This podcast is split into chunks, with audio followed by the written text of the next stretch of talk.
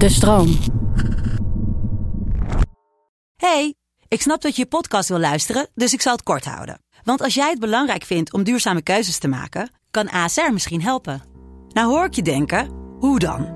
Nou, bijvoorbeeld bij het duurzaam herstellen van schade. Of de premies die we beleggen volgens ons duurzaam beleggingsbeleid. Dat bepaalt waar we wel en juist niet in investeren.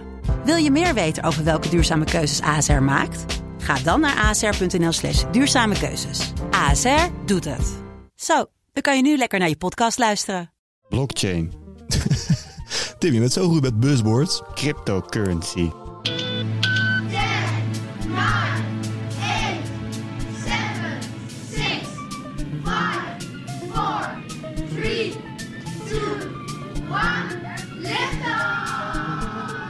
Welkom bij Bert ziet sterren, de populair wetenschappelijke podcast waarin ik iedere aflevering samen met mijn goede vriend en promovendus theoretische natuurkunde, Bert, een duik neem in de wonderenwereld der natuurkunde. Hey, Tim, Hey Bert, hoe gaat het? Eh, goed. Leuk. Heb je, hoe is het?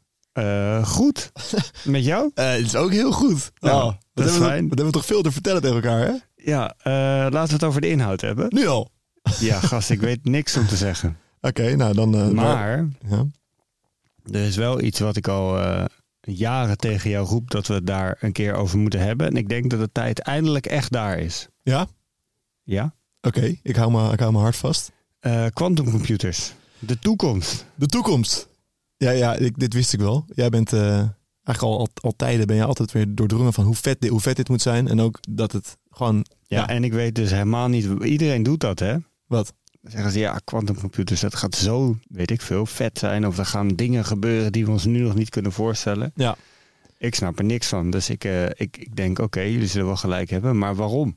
Nou ja, dat is een heel, goeie, heel goed punt. Zijn bitcoins nog wat waard als er een eh, functionele quantumcomputer komt? Ja, de- daar, daar kan ik nu niet zomaar een antwoord op geven. Ik, ik, dat hangt er vanaf hoe die quantumcomputer eruit gaat zien.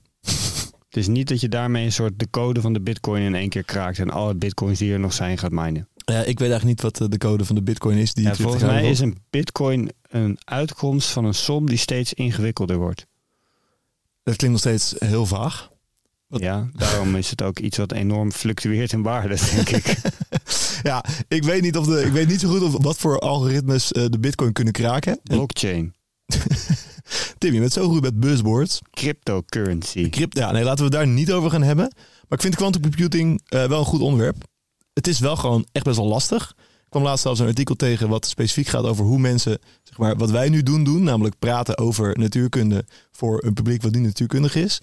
En daarin kwam ook al naar voren dat, dat quantum eh, computing vaak, altijd, of vaak, zeg maar, in veel gevallen wordt aangeduid als spookachtig en als raadselachtig. En, eh, en dat, soort, dat soort termen er tegenaan worden Het is ook gegooid. lekker om jezelf te laten zien van kijk eens hoe slim ik ben. Ik ben met raadselachtige, spookachtige dingen bezig. En dat is super ingewikkeld en ik ga het proberen om een klein beetje uit te leggen. Ja, en dat is wel wat ik nu zo ongeveer ga doen. Maar waarbij ik dus ook wel wil proberen om niet alleen maar te zeggen van... hey, het is super, wow, quantum Kom je computers. bij mij niet meer weg, eh, Ja, raadselachtige shit. Eh, en eigenlijk super abstract, maar ook things. Dus ik dacht, ik wil wel proberen om een specifiek... en ook wel echt een belangrijk onderdeel van die quantum ehm, specifiek een quantum algoritme met je te gaan behandelen. Wat is een algoritme?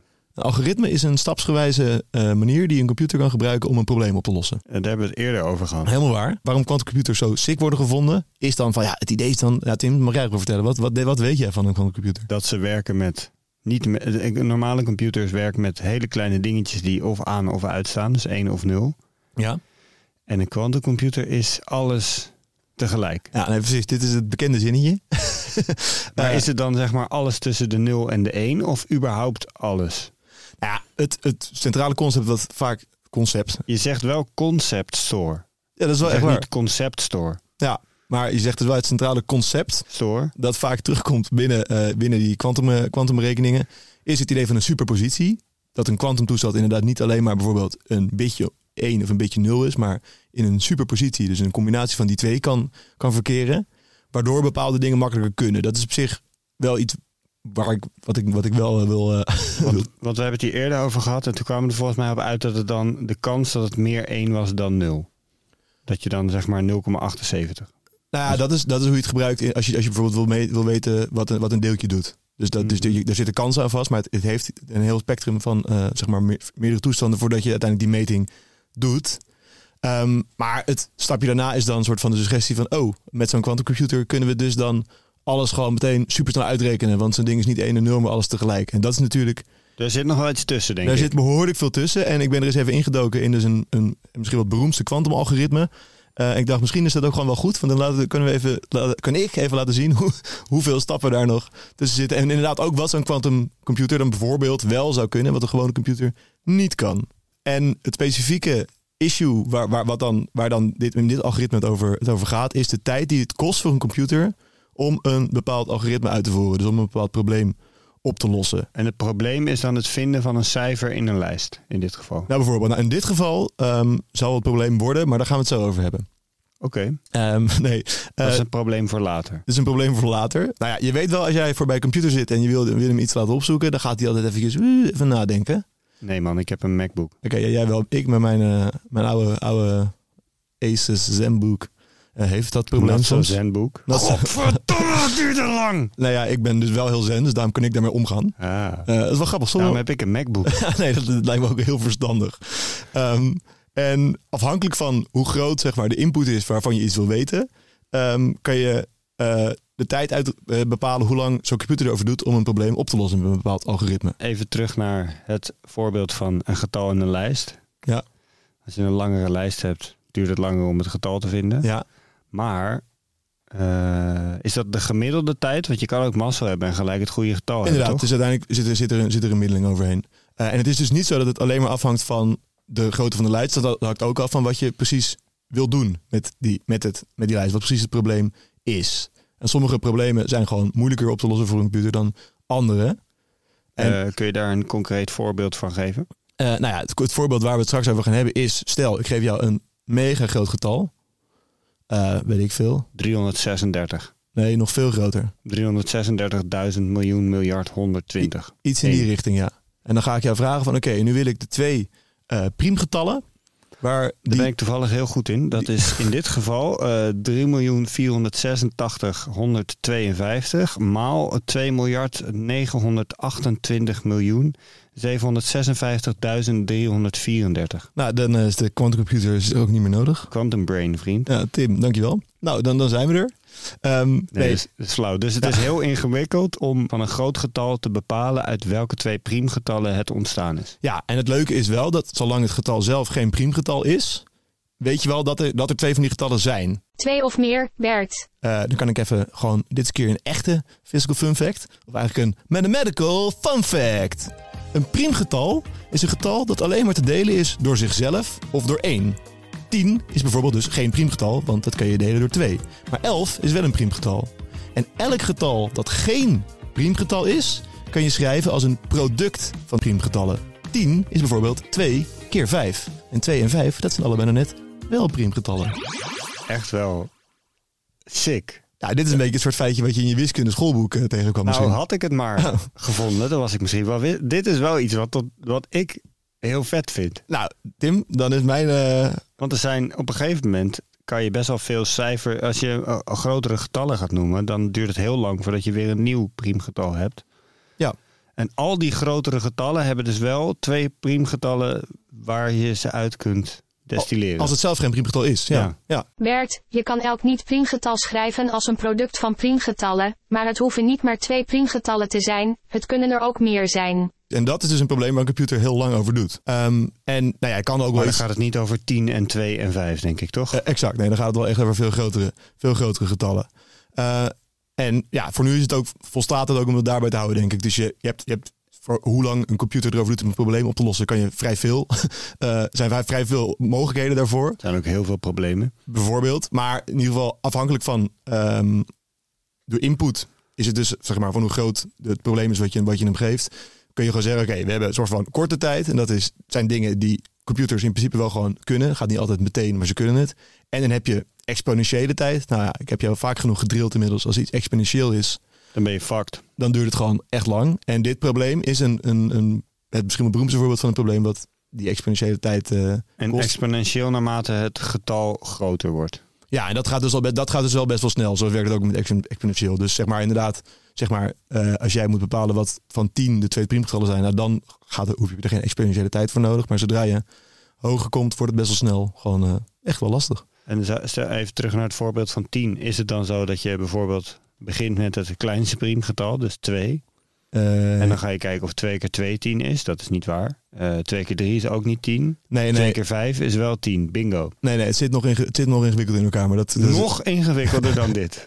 zeker, Tim. Het zit behoorlijk wat ingewikkeld in Die elkaar. wiskundigen, hè, Ja, die zijn ja, zo slim. ja, dus er zit een ander soort algoritme achter. Spookachtig bijna. Ehm, maar nu komt het kwantumalgoritmes om de hoek kijken. En dit algoritme stamt uit eh, de jaren negentig en was ook wel echt een belangrijke drijfveer voor mensen om te zeggen van nou, hier gaat wat, eh, hier gaat wat gebeuren. Want in theorie kan je dus met een kwantumcomputer eh, die dit algoritme uitvoert, het wel goed doen. Dus kwantumalgoritme. Nou, het idee van eh, dat algoritme is. Wederom zitten dus een aantal stappen tussen. Je begint even met het hele grote getal dat je wil kraken. Je wil weten welke twee priemgetallen met elkaar vermenigvuldigd dat grote getal zijn.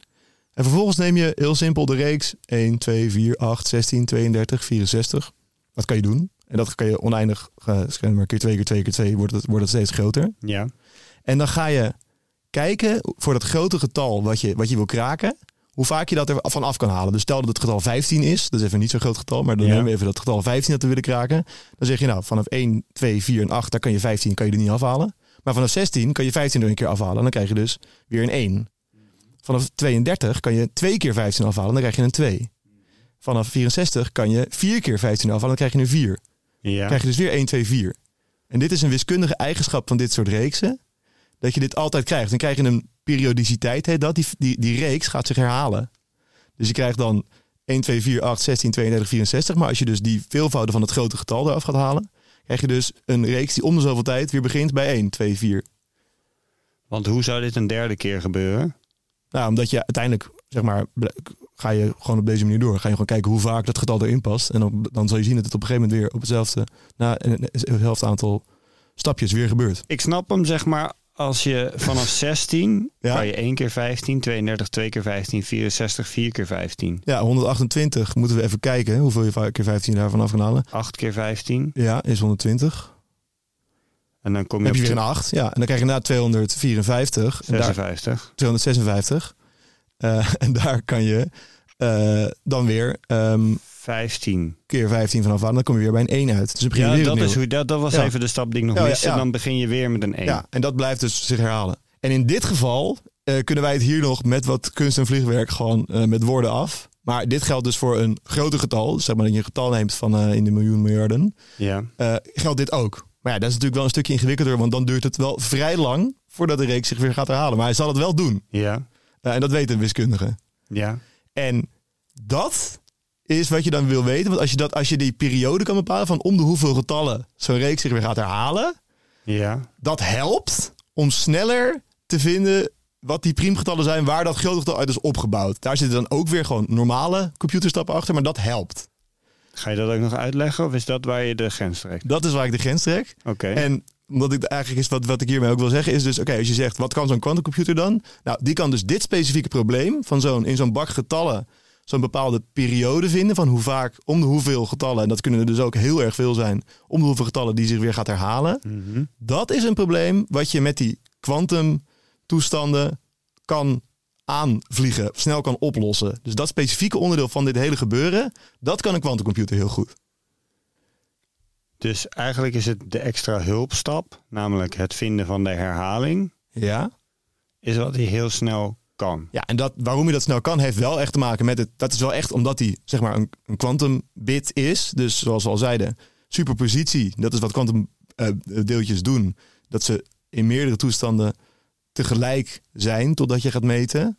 Ehm, en nou ja, stel dat je dus die periode van die reeks getallen, dus hoe vaak om de hoeveel getallen die zich herhaalt, voor, kan je voorzien als een golf.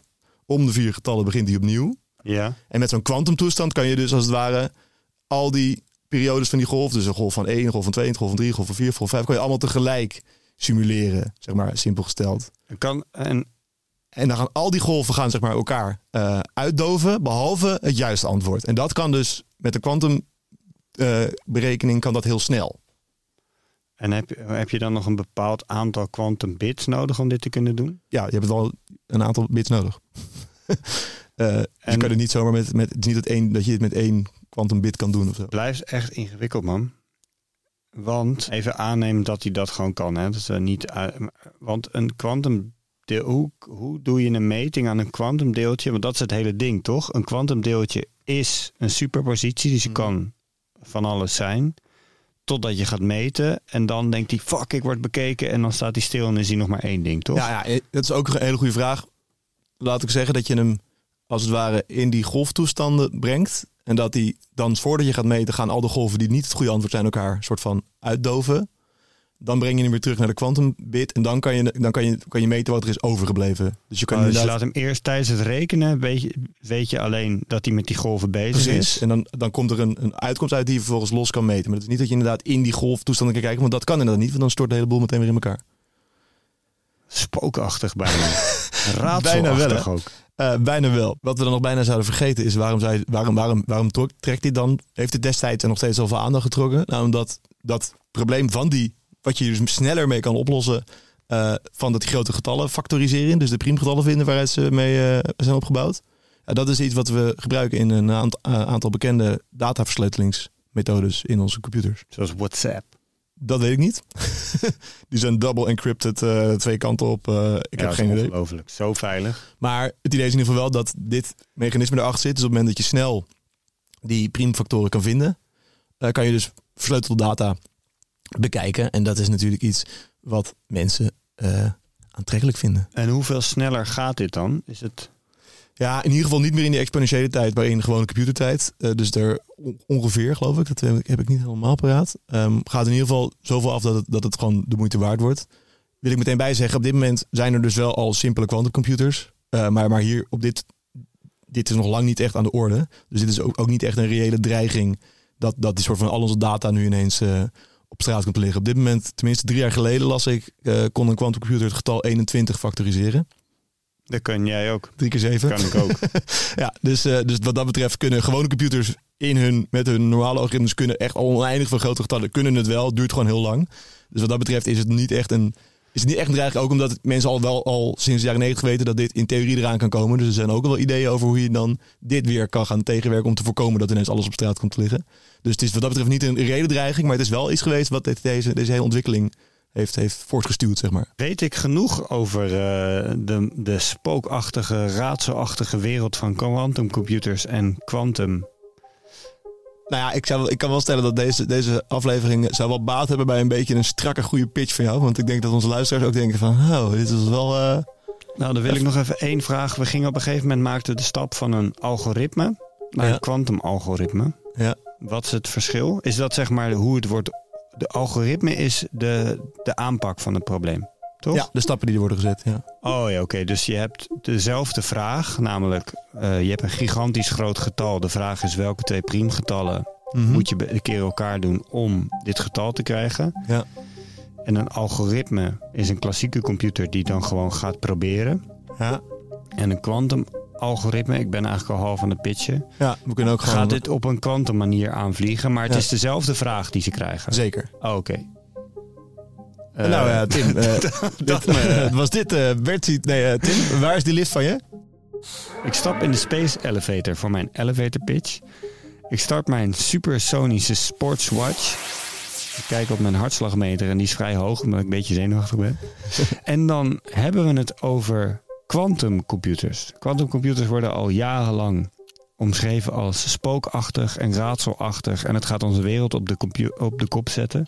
Maar hoe werkt het nou eigenlijk echt? Quantumcomputers, als ze groot genoeg, als ze genoeg rekenkracht gaan krijgen om dingen op te gaan lossen, gaan heel goed zijn in het oplossen van eh, algoritmen waar normale computers moeite mee hebben. En dan hebben we als voorbeeld het algoritme van de vraag.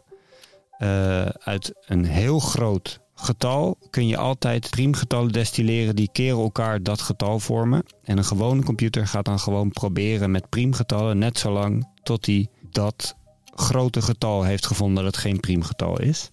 Er zit wel enige logica achter, maar eh, het blijft een kwestie van trial and error. En dat duurt heel lang en wel exponentieel langer als de getallen groter worden. Een kwantumcomputer kan door middel van eh, herhalingen vinden in een reeks sneller bij het antwoord komen. Als je de herhalingen ziet als een golfbeweging, wanneer gaat die opnieuw beginnen, dan kan de kwantumcomputer al die golven tegelijkertijd eh, laten ontstaan en vervolgens tegen elkaar laten uitdoven. En dan hou je het goede antwoord over. Waar een normale computer elke stap, elke poging op zichzelf na elkaar moet uitrekenen. Doet kwantumcomputer dat allemaal tegelijkertijd.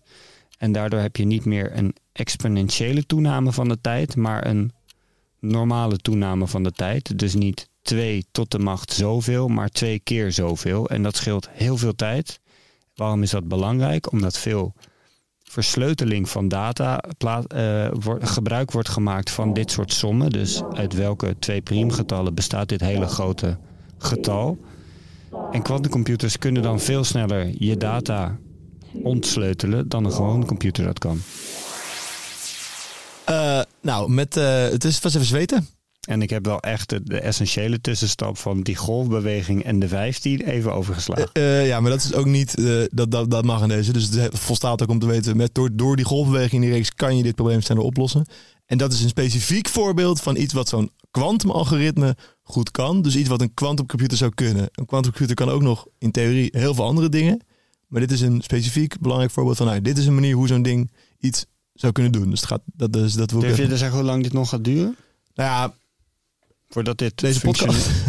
Nou, veel te lang. Maar eh, voordat dit een, ehm, iets is waar we echt rekening mee moeten gaan houden. is het een kwestie van vijf jaar, tien jaar. Nou, je hoort, je hoort natuurkundigen wel zeggen van... eh, ik hoop dat ik het eh, in mijn leven nog mee ga maken. En ik, ik acht die kans wel aanwezig, maar ook niet. Dus, de kans dat ChatGPT ons allemaal tegen elkaar uitspeelt en de mensheid vernietigt is reëler dan dat kwantumcomputers Nou. zeggen wat jij stiekem tegen je buurvrouw Het appt. gaat wel even duren, maar het zou ook wel zomaar er ineens, eh, ineens kunnen zijn.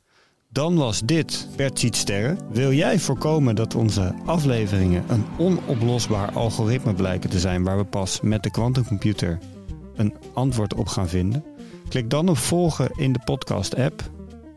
Dan heb je alvast een voorschot genomen op het daadwerkelijk verschijnen van de kwantumcomputer. En als je er dan toch bent, geef ons een recensie. Geef Bert die sterren. Sterren. En heb je vragen of wil je zelf een onderwerp aandragen? Mail dan naar bertzietsterren.de-stroom.nl Voor nu heel hartelijk dank voor het luisteren. En tot de volgende ster.